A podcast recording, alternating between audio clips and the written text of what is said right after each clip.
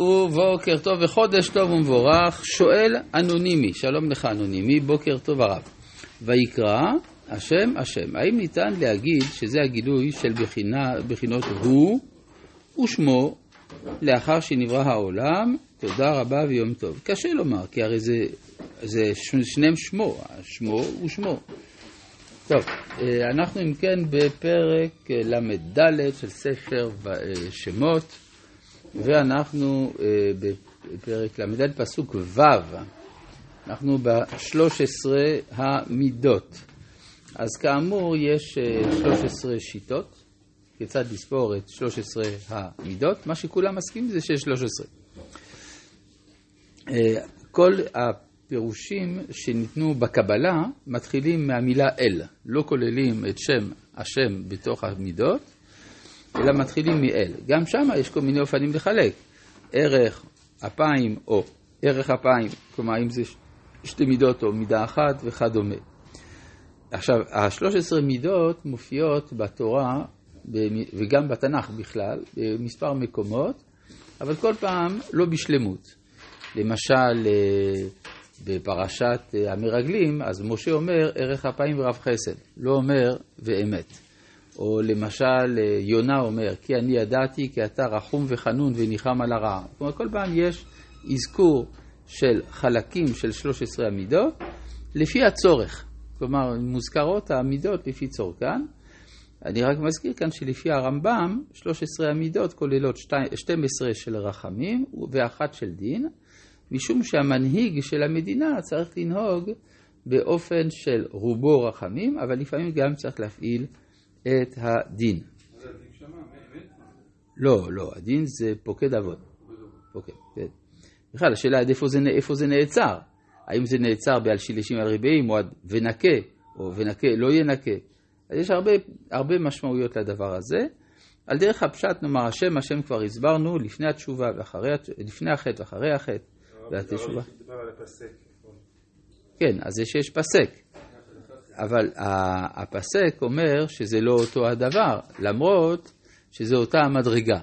זאת אומרת, זה ההבדל בין הצדיק הגמור לבין בעל תשובה, שנחלקו בזה האמוראים, מה יותר גדול, אם צדיק גמור או בעל תשובה. אז אה, צדיק גמור זה בהשם הראשון, ובעל תשובה בהשם השני. אז יש הבדל ביניהם, לכן יש פסק. דיברנו על הפסק בכל המקומות שכתוב שם כפול, אברהם, אברהם, יעקב, יעקב ושמואל, שמואל, ואילו בין משה למשה לא כתוב. כן? הזוהר מאיר שאלה פסק בגבה, זה בא לומר שאצל משה יש התאמה מוחלטת בין הנשמה לבין הנפש, כלומר משה של מעלה ומשה של מטה. כן? מה?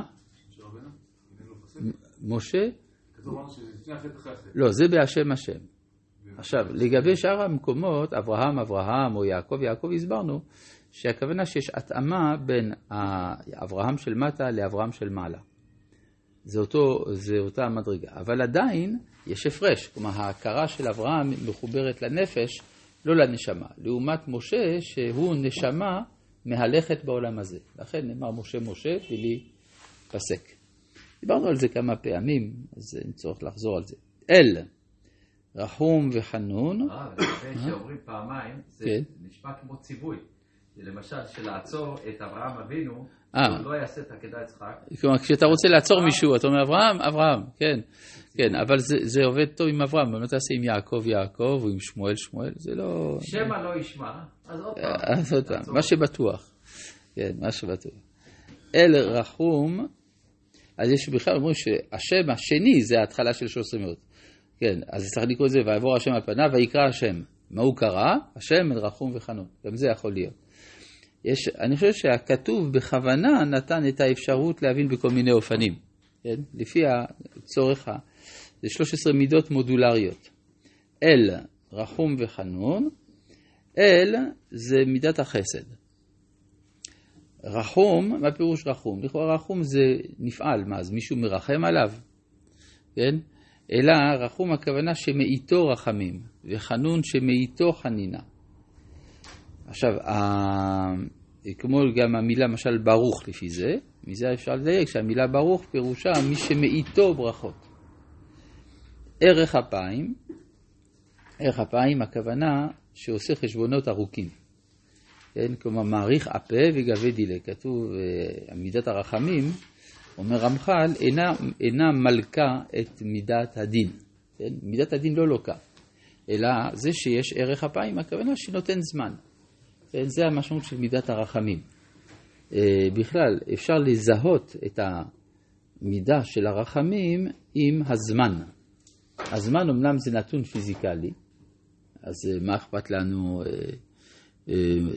הזמן, אלא שיש שאלה מהותית, למה בכלל יש זמן? זו שאלה שלמשל הפילוסופים לא ענו עליה. למה הזמן קיים? אנחנו מנתחים את מציאות הזמן, אבל למה יש זמן? לפי היהדות יש הסבר למה יש זמן, כדי לתת זמן. הזמן של התשובה, ש... וזה מה שנקרא, אה, כלומר, זה, זה כאילו ריכוך של מידת הדין. אז מידת הרחמים, שהיא הזמן, היא על רקע מידת הדין. רחמים מלשון רחם, ריבוי של רחם. זאת אומרת שהרחם הוא המקום בגוף האדם שנותן זמן לעובר לקנות את הכוח להתמודד עם החוץ. אם הוא היה צריך להתמודד מיד, הוא לא היה מחזיק מעמד. כן? אז זה הרחום וזה מידת הרחמים. שמאיתו רחמים ומאיתו חנינה, ערך אפיים, זה כן, ערך אפיים אמרנו שנותן זמן. מה? ורב חסד ואמת. כן, אז לכאורה רב חסד ואמת זה סותר אחד את השני. או שרב חסד, אז מוותרים על האמת. או שאמת, אז מוותרים על החסד. אלא הכוונה, רב חסד, בסוף תתג... תתגלה האמת. כמו שכתוב שבבריאת האדם, הקדוש ברוך הוא לא נתן לאמת לדבר, זרק אותו לארץ. השליך אמת ארצה. אבל בסוף אמת מארץ תצמח. זאת אומרת, החסד גם הוא איננו מוויתור על האמת, אלא על ידי רוב החסד תתברר האמת. נוצר חסד, מה? מה זה, זה דין או? מה? אמת זה דין? אמת, רק האמת זה דין. אבל ואמת זה רחמים. כאילו, כן, ורב חסד ואמת. יש, אה, למשל, יש הנהגה של צדיקים מסוימים, של הרבי מקוצק. כן? היה, אומר, היה איש של רק האמת. אז הרב אשכנזי הסביר שהמידה של רק אמת זה מידת הדין. האמת האמיתית כוללת את כל המידות. אז היא כוללת גם את החסד. לכן, בקבלה, המידה של התפארת, שהיא נקראת רחמים, גם נקראת בשם אמת. אלא יש שני ביטויים. הביטוי של אמיתות שבתפארת נקרא נצח, והביטוי האסתטי שבה, שבאמת נקרא הוד. כן. אה, איפה אנחנו? נוצר חסד לאלפים. מה? מה אתה אומר? תציל את האמת למטה. כן, נכון. עכשיו, נוצר חסד לאלפים. אגב, יש ספר שלם שנקרא תומר דבורה, של רבי משה קורדוברו, שבו הוא מנתח את 13 המידות של רחמים, אבל לא לפי הסדר הכתוב כאן, אלא לפי 13 מידות שבמיכה מורשתי. כן? מי אל כמוך נושא עוון ועובר על פשע, על ישרית נחלתו, לא החזיק ליד אפו. המקובלים אומרים שמה שכתוב במיכה מתאים ל-13 המידות שמוזכרות כאן בתורה. אבל השאלה, יש אחת שהיא, אה, יש רשימה של ה-13 מידות שהיא חיצונית, והשנייה שהיא פנימית. הפנימית זה זו שבמיכה, לכן היא התגלתה מאוחר יותר. והחיצונית זה 13 מידות שלפנינו כאן. מדרגה יותר פנימית.